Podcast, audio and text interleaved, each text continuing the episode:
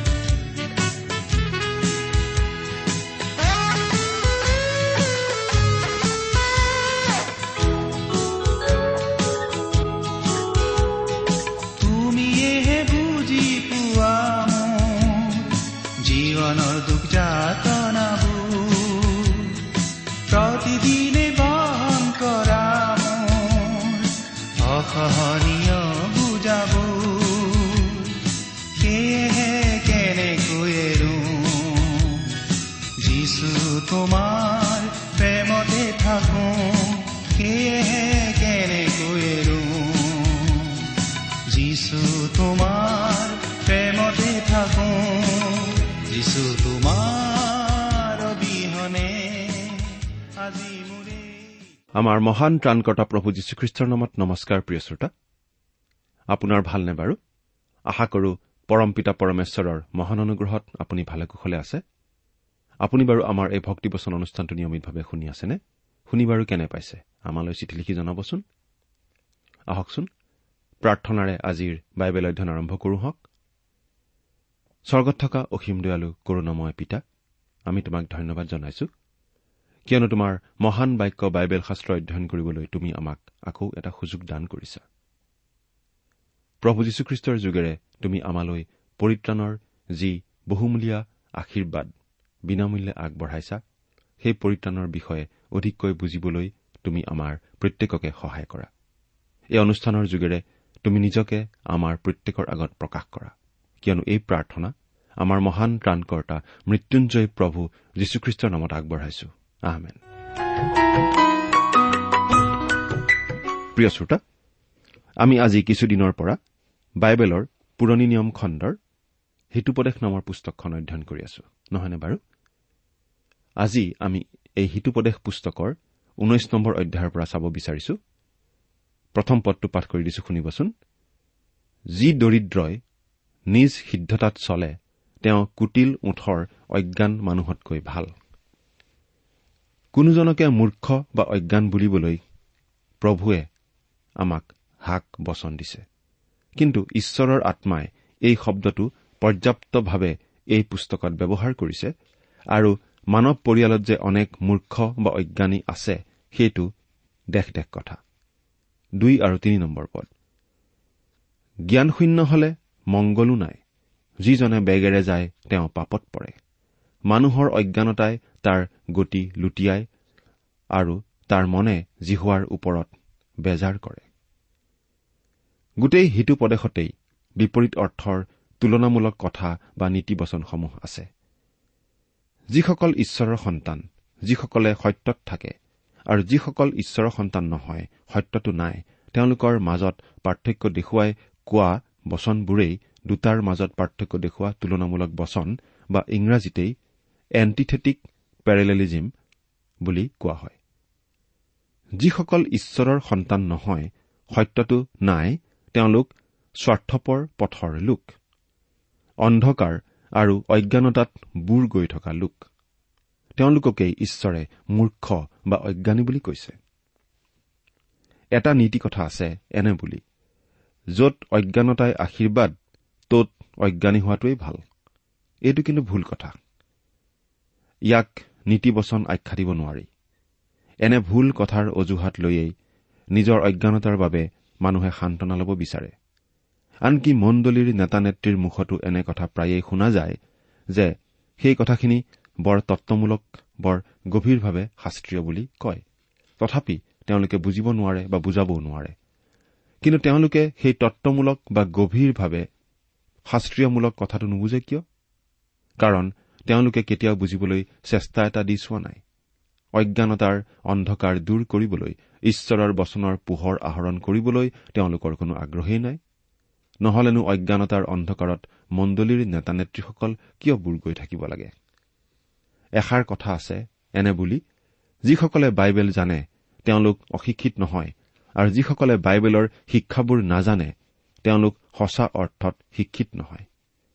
জগতৰ মানুহে এই কথাষাৰ লেখ মানুহ বিশ্বাস নকৰিব। কিন্তু খ্ৰীষ্টীয় লোকৰ বাবে এয়া সঁচা কথা। বাইবেল নজনাকৈ কোনো মানুহ পৰিপক্ক মানুহ হ'ব নোৱাৰে। ঈশ্বৰৰ বচনৰ জ্ঞান থকাটোৱেই ঈশ্বৰৰ সন্তানৰ চৰিত্ৰ হ'ব লাগে।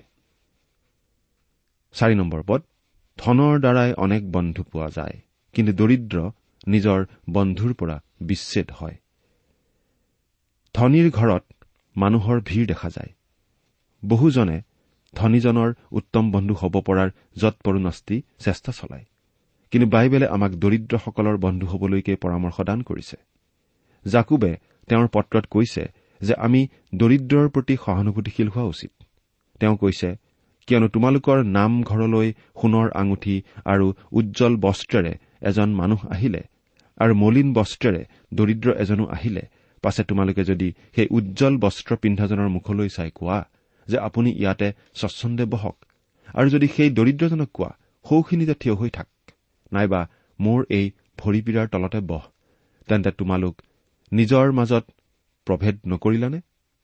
আৰু কুবিবেচনা কৰা বিচাৰকৰ্তাসকল নহলানে? হে মোৰ প্ৰিয় ভাইবিলাক শুনা সংসাৰত যিবিলাক দৰিদ্ৰ ঈশ্বৰে তেওঁবিলাকক বিশ্বাসত ধনবন্ত আৰু নিজ প্ৰেমকাৰীবিলাকৰ আগত অংগীকাৰ কৰা ৰাজ্যৰ অধিকাৰী কৰিবলৈ মনোনীত কৰা নাইনে? কিন্তু তোমালোকে সেই দৰিদ্ৰক অনাদৰ কৰিলা। জাকুব দুই অধ্যায় দুই নম্বৰ পদৰ পৰা ছয় নম্বৰ পদ। কিন্তু মানুহৰ তাহানিৰ আচৰণ আজিও আছে। দিনকাল আদি কৰি বহু কথাই সলনি হৈছে কিন্তু মানুহ হলে অকণো সলনি হোৱা নাই। তাহানি যেনেকুৱা আছিল আজিও তেনেকুৱাই আছে। ধনী দুখীয়াৰ মাজৰ যি প্ৰাচীৰ সি সদায় শক্তিশালী হৈ আছে। এনে ধাৰণা হয় যেন খ্ৰীষ্টীয় শিক্ষায়ো ইয়াৰ একো পৰিৱৰ্তন ঘটাব পৰা নাই। পাঁচ নম্বৰ পদ। মিছা সাক্ষীয়ে দণ্ড নোপোৱাকৈ নাথাকিব আৰু মিছা কওঁতাই সাৰিব নোৱাৰিব। এই পদৰ কথাটো ইয়াৰ পাছতেই ন নম্বৰ পদতো কোৱা হৈছে। মিছা কথা কওঁতা আৰু মিছা সাক্ষীও মানুহৰ আন এটা পাপ আচৰণ। পাপে ঘেৰা এই পৃথিৱীত মিছা কওঁতা আৰু মিছা সাক্ষী দিওঁতাসকলৰ অনেকেই আজি হাত সাৰি থাকিব পাৰিছে। কাৰণ পৃথিৱীখনেই মিছাত চলি আছে। সিহঁত হাত সাৰি থাকিব পাৰে। হাত সাৰি থাকিব এই পৃথিৱীত থকা দিনলৈকেহে। কিন্তু বাইবেলে কৈছে যে ভয়াতুৰ অবিশ্বাসী ঘীনলগীয়া নৰবধি ব্যভিচাৰী মায়াবী আৰু আটাইবিলাক দেৱপূজকৰ সৈতে এই মিছলীয়াবিলাকো জুই আৰু গন্ধকেৰে জ্বলি থকা সৰোবৰত অৰ্থাৎ নৰকত নিজৰ ভাগ পাব। প্ৰকাশিত বাক্য একৈশ নম্বৰ অধ্যায়ৰ আঠ নম্বৰ পদ। ঈশ্বৰে যেতিয়া হস্তক্ষেপ কৰে তেতিয়া কোনো মিছলীয়া বা মিছা সাক্ষী দিওঁতা হাত সাৰি যাব নোৱাৰে। প্ৰথম ৰাজা বুলি একৈশ আৰু বাইশ নম্বৰ অধ্যায়ত আমি পাওঁ আহব ৰজা আৰু তেওঁৰ ৰাণী ইজেবলে নাবুথৰ বিৰুদ্ধে মিছা সাক্ষী দিয়াই নাবুথক শিল দলিয়াই বধ কৰোৱাই তেওঁৰ বাৰীখন কাঢ়ি লৈছিল। কিন্তু এলিয়া ভাৱবাদীয়ে তেওঁক জনাইছিল যে যি ঠাইতে তেওঁ নাবুথৰ নিৰ্দোষ তেজ বোৱাইছে সেই ঠাইতে তেওঁৰ তেজো এদিন কুকুৰে চেলেকিব। ভাৱবাণীৰ দৰেই হ'ল। বুদ্ধি কৰিও আহব সাৰিব নোৱাৰিলে। বৰ কৌশল খটায়ো তেওঁ ৰক্ষা পাব নোৱাৰিলে। তেওঁৰ শত্ৰুপক্ষৰ অস্ত্ৰৰ আঘাতত তেওঁ মৰা পৰিছিল আৰু নাবুথক শিলদলিয়াই বধ কৰা ঠাইতেই ভাৱবাদীৰ কথাৰ দৰেই আহবৰ তেজ কুকুৰে চেলেকি চেলেকি খাইছিল। আপুনি ক'ব পাৰে যে ঈশ্বৰো ইমান প্ৰতিশোধমূলক হ'ব লাগেনে? তেওঁ ইমান ভয়ংকৰ ব্যক্তি হ'ব লাগেনে? কিন্তু প্ৰিয় শ্ৰোতা পৰৰ সম্পত্তিৰ প্ৰতি লোভ সামৰিব নোৱাৰা নিৰ্দোষী মানুহক মিছা সাক্ষীৰে দোষী সজাই বধ কৰাটো কি ভয়ংকৰ নহয়? ঈশ্বৰৰ দৃষ্টিত মিছা কথা আৰু মিছা সাক্ষী সমানেই ভয়ংকৰ। তেওঁ সেইবোৰ বৰ ঘৃণা কৰে। এতিয়া কোনোবা হাত সাৰি থাকিলেও ঈশ্বৰৰ বিচাৰৰ দিনত কোনো হাত সাৰিব নোৱাৰিব। তেওঁলোক বিনষ্ট হবই। অনুগ্ৰহ পাবলৈ অনেকে দানশীল লোকৰ আগত নিবেদন কৰে আৰু সকলোৱেই দানশীল লোকৰ বন্ধু হয়। এয়া ছয় নম্বৰ পদ। দানশীল লোকসকল ধনীও হ'ব পাৰে বা দুখীয়াও হ'ব পাৰে। কিন্তু তেওঁলোকৰ সহায় পাবলৈ সকলোৱেই আশাৰে তেওঁলোকৰ কাষ চাপে আৰু পাৰিলে তেওঁলোকৰ সৈতে সম্বন্ধ স্থাপন কৰিব খোজে। পদটোৰ কথা কিমান সঁচা দানশীল লোকসকলেহে কেৱল ক'ব পাৰে। সাত নম্বৰ পদ দৰিদ্ৰৰ সকলো ভায়েকে তেওঁক ঘীন কৰে। তেন্তে তাতকৈ কিমান অধিক পৰিমাণে তাৰ বন্ধুবিলাক তাৰ পৰা আঁতৰ হৈ থাকিব? সি আলাপ কৰিবলৈ বিচাৰে কিন্তু সিহঁত নাইকিয়া হয়। দৰিদ্ৰৰ কোনোফালেই সুখ নাই। পূব পশ্চিম উত্তৰ দক্ষিণ কোনোফালে আশা নাই। দৰিদ্ৰই দিনৰ পোহৰতো আন্ধাৰ দেখে। ভায়েকসকলেও আৰু বিশেষকৈ ভায়েকৰ ঘৈণীয়েকসকলে দৰিদ্ৰজনক দেখিলে ঘৰ দুৱাৰ জপাই নথকাৰ ভাও ধৰে। যিসকল বিপদৰ বন্ধু নহয় তেওঁলোকতো তেওঁৰ পৰা আঁতৰিবই কাৰণ ভিকহুৰ বন্ধু হৈ নলগা জেঙাত লগাটো ভুদা মানুহৰহে পৰিচয়। এতিয়া আমি আঠ নম্বৰ পদটো পঢ়ি দিছো। যি মানুহে জ্ঞান লাভ কৰে তেওঁ নিজ প্ৰাণক প্ৰেম কৰে। যিকোনোৱে বিবেচনা ৰক্ষা কৰে তেওঁ মংগল পায়। যি মানুহে জ্ঞান লাভ কৰে তেওঁ নিজ প্ৰাণক প্ৰেম কৰে বোলা কথাষাৰ পাৰ্থিৱ আৰু স্বৰ্গীয় উভয় ধৰণে সঁচা। পাৰ্থিৱভাৱে জ্ঞান আৰ্জিবলৈ যিসকল মানুহে বাল্যকালৰে পৰা চেষ্টা আৰু পৰিশ্ৰম কৰে তেওঁলোকেইটো জ্ঞান বিদ্যা আৰ্জি জীৱনত ধন স্বাস্থ্য শিক্ষা দীক্ষাৰ অধিকাৰী হৈ পাৰ্থিৱ স্বচ্ছলতাৰে জীৱন ধাৰণ কৰিব পাৰে। মান সন্মানৰ কথাটো নকলোৱেই বা? আম্মিক কথাটো ই সঁচা। আমি আগৰে পৰাই কৈ আহিছো যে জীৱনত যিয়ে সত্য ঈশ্বৰক জানে আৰু জানি তেওঁক ধৰে তেওঁ তেওঁৰ ভয় ভক্তিত জীৱন যাপন কৰে। আৰু বাইবেলে কৈছে যে ঈশ্বৰলৈ ভয় ভক্তি ৰখাটোৱেই জ্ঞানৰ আৰম্ভণ। কিন্তু সত্য ঈশ্বৰনো কোন? তেওঁক কেনেকৈ জানিম? হয় প্ৰিয় শ্ৰোতা সুসীম মানুহে অসীম সত্য ঈশ্বৰক কেতিয়াও জানিব নোৱাৰিলেহেঁতেন যদি সেই সত্য ঈশ্বৰ জনাই নিজেই নিজক প্ৰকাশ নকৰিলেহেঁতেন। আজিৰ পৰা প্ৰায় দুহেজাৰ বছৰ পূৰ্বে সত্য ঈশ্বৰে মানুহৰ মৰমত নিজে ঈশ্বৰ হৈও আকাৰ প্ৰকাৰত মানুহৰ ৰূপ লৈ যীশু অৱতাৰ ধৰি স্বৰ্গৰাষ্ট্ৰৰ পৰা এই মৰতত উপস্থিত হলহি আৰু মানুহৰ মাজত আত্মপ্ৰকাশ কৰিলে। ফিলিপিয়া দুই নম্বৰ অধ্যায়ৰ ছয় পদৰ পৰা আঠ নম্বৰ পদ। এতিয়া তেওঁ কৈছে যে তেওঁৱেই বাট অকল বাটেই নহয় সত্য আৰু জীৱনো। জোখন চৈধ্য নম্বৰ অধ্যায়ৰ ছয় নম্বৰ পদ।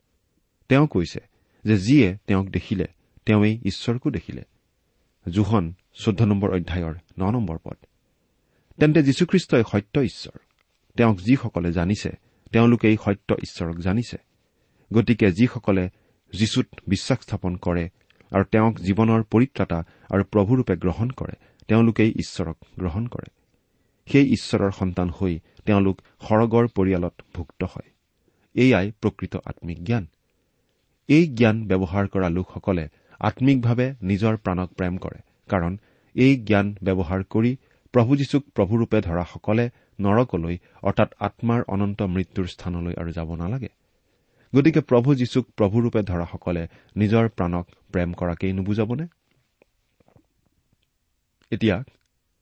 ন নম্বৰ পদটোৰ কথাখিনি আমি আৰু আলোচনা নকৰো কাৰণ ঊনৈশ নম্বৰ অধ্যায়ৰ পাঁচ নম্বৰ পদটোৰ কথাটোৰ সৈতে এই ন নম্বৰ পদৰ কথাখিনি অবিকল একেই। ঊনৈশ নম্বৰ অধ্যায়ৰ পাঁচ নম্বৰ পদটো যিহেতু আমি ইয়াৰ আগতেই আলোচনা কৰিলো সেয়ে পুনৰ দোহৰাৰ প্ৰয়োজন নাই। গতিকে আমি দহ নম্বৰ পদটো পঢ়িছো। সুখ ভোগ অজ্ঞানৰ অনুপযুক্ত। তেন্তে অধ্যক্ষবিলাকৰ ওপৰত দাসে শাসন কৰা তাতকৈ কিমান অধিক পৰিমাণে অনুপযুক্ত? ইয়াৰ মানেটো হৈছে যে বিলাসিতা জীৱনৰ বাবে মূৰ্খবিলাক যদি শোভা নাপায় তেন্তে অধ্যক্ষবিলাকৰ ওপৰত দাসবিলাকে শাসন কৰাটো তাতকৈও অধিক শোভা নাপায়। অৰ্থাৎ বিলাসিতা জীৱনৰ বাবে মূৰ্খবিলাকক যিমান আচহুৱা দেখা যাব গৰাকীসকলৰ ওপৰত দাসে শাসন কৰাটো তাতকৈ অধিক আচহুৱা দেখা যাব। এঘাৰ নম্বৰ পদ। মানুহৰ বিবেচনাই ক্ৰোধত নিজক ধীৰ কৰে আৰু দুখ ক্ষমা কৰা নিজৰ ভূষণস্বৰূপ এই পদটোত বিবেচনা শব্দটো আচলতে প্ৰজ্ঞাহে হ'ব লাগিছিল ইয়াৰ সহজ অৰ্থটো হৈছে যে প্ৰজ্ঞাই মানুহক ধৈৰ্য ধৰিব পৰাত সহায় কৰে আৰু অপৰাধ ক্ষমা কৰিব পৰাটো ক্ষমা কৰোতাজনৰেই গৌৰৱৰ কথা। বাৰ আৰু তেৰ নম্বৰ পদ দুটা পাঠ কৰি দিছো কেৱল। আমি ব্যাখ্যা নকৰো। পাঠ কৰি দিছো। শুনিবচোন। ৰজাৰ ক্ৰোধ সিংহৰ গৰ্জনৰ তুল্য। কিন্তু তেওঁৰ অনুগ্ৰহ তৃণৰ ওপৰত পৰা নিয়ৰৰ নিচিনা। তেৰ নম্বৰ পদ। অজ্ঞান পুত্ৰ তেওঁৰ পিতৃৰ আপদস্বৰূপ। আৰু তিৰোতাৰ দণ্ড কাজিয়া সদায় টোপাটোপে পৰি থকা পানীৰ নিচিনা। ইয়াত ব্যাখ্যাৰ প্ৰয়োজন নিশ্চয় নাই। চৈধ্য নম্বৰ পদ। ঘৰ আৰু ধন সম্পত্তি পিতৃবিলাকৰ পৰা পোৱা উত্তৰাধিকাৰ। কিন্তু জ্ঞানৱতী ভাৰ্যা জিহুৱাৰ পৰাহে পোৱা যায়। হে প্ৰিয় বিবাহিত পুৰুষ আপোনাৰ বাবে ইয়াত দুটা উপহাৰৰ কথা আছে। এটা পাৰ্থিৱ পিতৃৰ পৰা কিন্তু আনটো সৰগৰ পিতৃৰ পৰা। আপুনি পৈতৃক ঘৰ আৰু ধন সম্পত্তিৰ উত্তৰাধিকাৰী হৈছে নেকি বাৰু? লগতে প্ৰভু ঈশ্বৰে দান কৰা জ্ঞানৱতী ভাৰ্যা আপোনাৰ আছেনে? যদিহে আছে আপোনাক বহু বিবাহিত পুৰুষ শ্ৰোতাই হয়তো হিংসা কৰিব। আপুনি বৰ সৌভাগ্যৱান পুৰুষ দেই। ওপৰৰ তেৰ নম্বৰ পদৰজনী জিহুৱাৰ পৰা অহানে বাৰু বহুতৰ কপালত কিন্তু তেনেকুৱাজনীহে মিলিল। আপোনাৰ পৈতৃক ঘৰ আৰু ধন সম্পত্তি আৰু প্ৰভুৱে দান কৰা জ্ঞানৱতী ভাৰ্যাৰ কাৰণে আপুনি বাৰু প্ৰভুক ধন্যবাদ দিছেনে? যদি কেতিয়াও দিয়া হোৱা নাই এতিয়াই নিদিয়ে কিয়? আমাৰ অবিবাহিত শ্ৰোতা যুৱকসকলেও প্ৰাৰ্থনা কৰা উচিত যেন ওপৰৰ তেৰ নম্বৰ পদৰ নিচিনা এজনীক নাপায় চৈধ্য নম্বৰ পদৰ নিচিনা এজনী প্ৰভুৱে আপোনাৰ কাৰণে যোগাৰ কৰি দিয়ে। আপুনি এই কথাটো লঘুভাৱে নলব। জীৱনৰ বাবে এইটো এটা ডাঙৰ কথা। পোন্ধৰ নম্বৰ পদটো পঢ়িছো।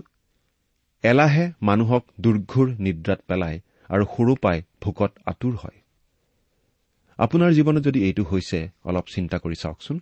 আপুনি জীয়াই থকাৰ পৰা কাৰোবাৰ কিবা অলপ উপকাৰ হৈছে নে নাই? আনৰ কথা বাদ দিয়ক। আপোনাৰে কিবা অলপ উপকাৰ জানো হৈছে। ষোল্ল নম্বৰ পদ পঢ়ি দিছো। যিজনে জিহুৱাৰ আজ্ঞা পালন কৰে তেওঁ নিজৰ প্ৰাণ ৰক্ষা কৰে। কিন্তু যিজন নিজ পথৰ বিষয়ে অসাৱধান তেওঁ মৰে। এই পদটোৰ কথাখিনি আমি বহলাই আলোচনা কৰি অহা আঠ নম্বৰ পদটোৰ কথাখিনিৰ সৈতে প্ৰায় একে। আঠ নম্বৰ পদত আছে জ্ঞান আৰু বিবেচনাৰ কথা। ষোল্ল নম্বৰ পদটোত আছে আজ্ঞা পালন আৰু সাৱধান হোৱাৰ কথা। দুয়োটা পদৰ কথাখিনি একেলগে সামৰি লৈ কলে হ'ব জ্ঞান আৰু বিবেচনা ব্যৱহাৰ কৰিলে আৰু আজ্ঞা পালন কৰি সাৱধানে জীৱনত চলিলে নিজৰ প্ৰাণ ৰক্ষা পৰে। সোতৰ নম্বৰ পদৰ কথাখিনি আমাৰ সকলোৰে বাবে আচলতে বৰ মহৎ কথা বৰ আশীৰ্বাদজনক কথা। কি কৈছে শুনকচোন? যিজনে দৰিদ্ৰক কৃপা কৰে তেওঁ জিহুৱাক ধাৰ দিয়ে।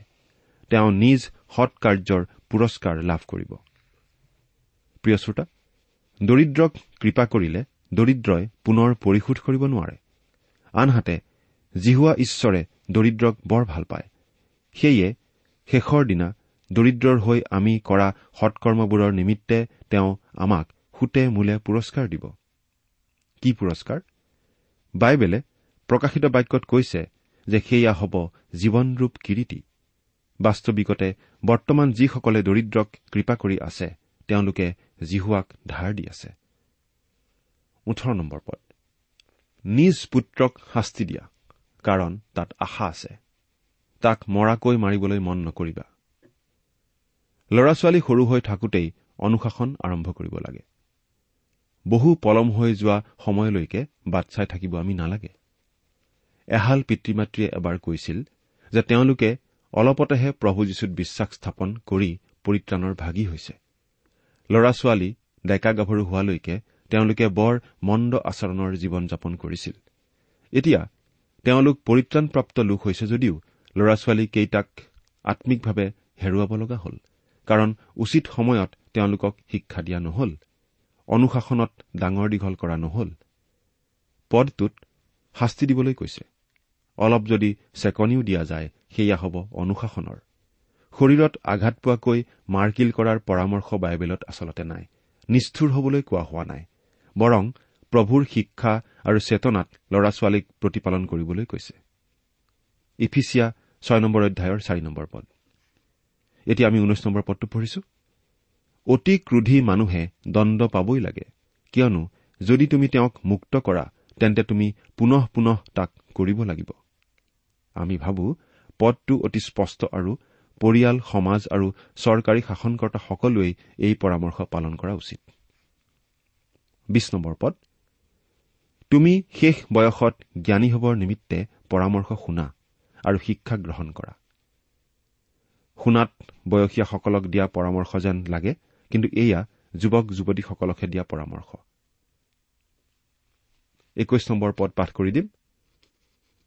মানুহৰ মনত অনেক আলচ আছে কিন্তু জিহুৱাৰ মন্ত্ৰণা থিৰে থাকে। অৰ্থাৎ বিভিন্ন বিষয়ত মানুহৰ বিভিন্ন ব্যাখ্যা থাকে।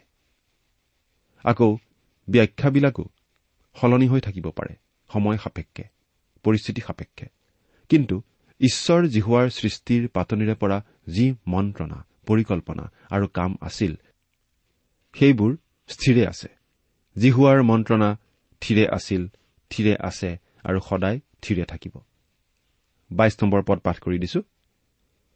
মানুহৰ ইচ্ছাই তাৰ দয়াৰ পৰিমাণ আৰু মিছলীয়াতকৈ দৰিদ্ৰ মানুহ ভাল। ইয়াৰ অনুবাদৰ আখুয়াৰ বাবেই হওক বা আন কাৰণতেই হওক কথাষাৰ বৰ অৰ্থপ্ৰকাশক যেন আমাৰ লগা নাই। ইংৰাজী বাইবেলৰ নিউ ইণ্টাৰনেশ্যনেল ভাৰ্চনৰ মতে এই পদৰ প্ৰথম ফাঁকি বাক্যষাৰ আচলতে এনেকুৱা হ'ব লাগে। মানুহে যি ইচ্ছা কৰে সেয়া হৈছে আমৰণ মৰম ভালপোৱা মানুহৰ সেইটো বৰ ভাল ইচ্ছা। কিন্তু আমৰণ বা স্থায়ী মৰম ভালপোৱা কাৰ পৰা আশা কৰিব পাৰি? মানুহৰ পৰা পাৰিনে বাৰু? নিশ্চয় নোৱাৰি। কেৱল প্ৰেমময় ঈশ্বৰৰ পৰা কাৰণ ঈশ্বৰ প্ৰেম। গতিকে ঈশ্বৰৰ পৰাহে আমি তেনেকুৱা চিৰস্থায়ী প্ৰেম আশা কৰিব পাৰোঁ। তেইছ নম্বৰ পদ। জিহুৱা বিষয়ক ভয় জীৱনদায়ক। সেয়ে যিজনৰ আছে তেওঁ তৃপ্ত হৈ থাকিব। তেওঁৰ অমংগল নঘটিব। জিহুৱাৰ ভয় মানে হৈছে তেওঁক জীৱনৰ প্ৰভুৰূপে লৈ তেওঁৰ ইচ্ছা আৰু আজ্ঞা পালন কৰি চলি তেওঁৰ সেৱা পূজা আৰু তেওঁৰ কাম কৰা। এইখিনি যিজনে কৰে তেওঁ তৃপ্ত হৈ থাকিবই আৰু তেওঁৰ জীৱনত তেওঁ আম্মিক মংগল দেখা পাই থাকিবই। পদ। এলেহুৱাই পাত্ৰত থকা আহাৰত হাত সুমুৱাই দি পুনৰাই মুখলৈ নিবলৈ ইচ্ছা নকৰে। এয়া এলেহুৱাৰ ক্ষেত্ৰত এই পুস্তকত আমি চতুৰ্থবাৰৰ বাবে পোনপটীয়া উল্লেখ পালো। এই পদটোত চৰম এলাহৰ কথা কোৱা হৈছে। এলেহুৱাই আনকি খোৱাৰ ক্ষেত্ৰতো ইমান চৰম এলাহ কৰে। অৱশ্যে খোৱাৰ ক্ষেত্ৰত ইমান এলাহ তেওঁলোকে নকৰিব পাৰে কিন্তু ইয়াত এলাহৰ এটা চৰম অৱস্থা দেখুওৱা হৈছে। কিন্তু আম্মিক আহাৰৰ ক্ষেত্ৰত হলে এনে চৰম এলাহ খ্ৰীষ্টীয় লোকৰ মাজত চলি আছে। ঈশ্বৰৰ বচনেই আমাৰ আত্মাৰ বাবে আহাৰ। কিন্তু অতি পৰিতাপৰ কথা খ্ৰীষ্টীয় অধিকভাগ লোকেই ঈশ্বৰৰ বচন ধ্যান আৰু অধ্যয়ন নকৰে। বাইবেল আছে। বাইবেলখন লগা হয় নিয়ম পালনৰ বাবে।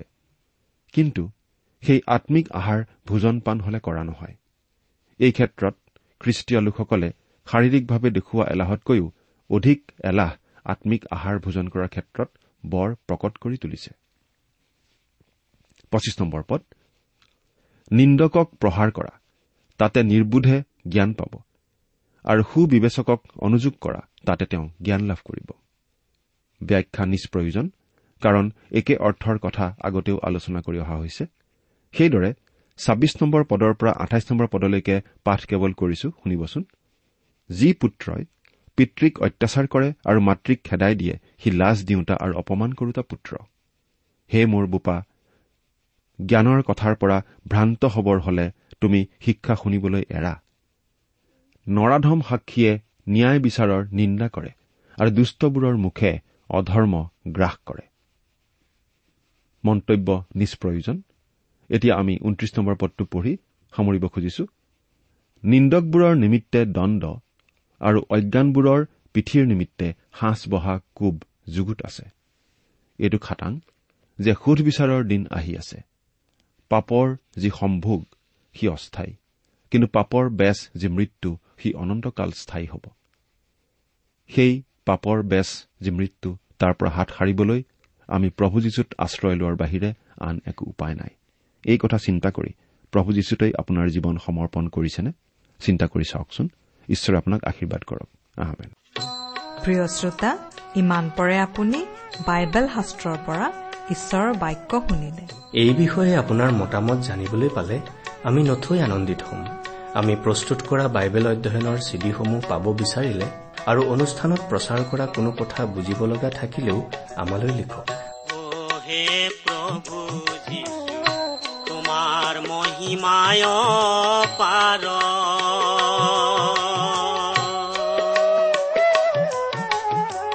তোমাৰ চৰণে নভজিলো শৰণ।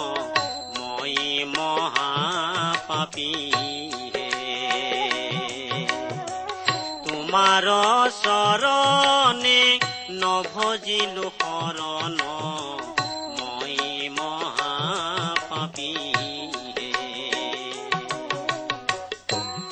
আমাৰ যোগাযোগৰ ঠিকনা ভক্তিবচন ট্ৰান্স ৱৰ্ল্ড ৰেডিঅ' ইণ্ডিয়া ডাক বাকচ নম্বৰ সাত শূন্য গুৱাহাটী সাত আঠ এক শূন্য শূন্য এক। ঠিকনাটো আকৌ এবাৰ কৈছো ভক্তিবচন ট্ৰান্স ৱৰ্ল্ড ৰেডিঅ' ইণ্ডিয়া ডাক বাকচ নম্বৰ সাত শূন্য গুৱাহাটী সাত আঠ এক শূন্য শূন্য এক। আমি প্ৰভু মানৱ জাতি পাপতে আছো ডুবিয়ে।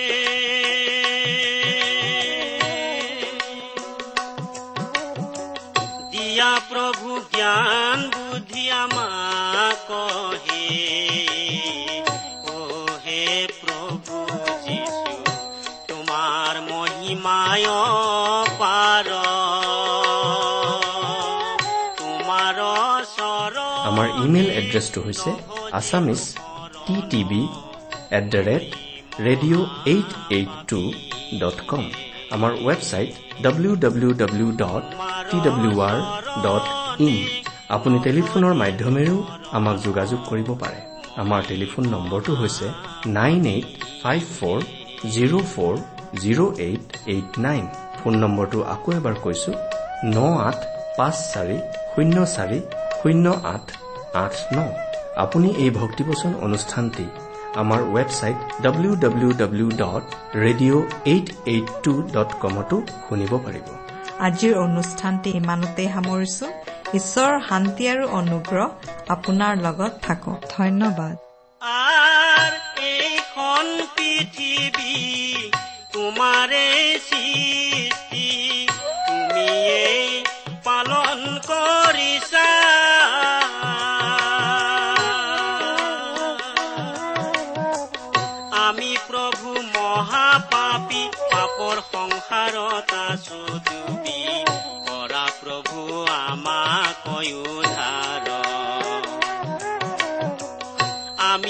প্ৰভু মহাপাপী পাপৰ সংসাৰত আছো ডুবি কৰা প্ৰভু আমাক উদ্ধাৰ।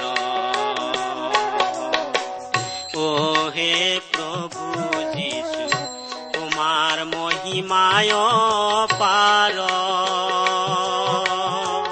তোমাৰ চৰণে নভজিলো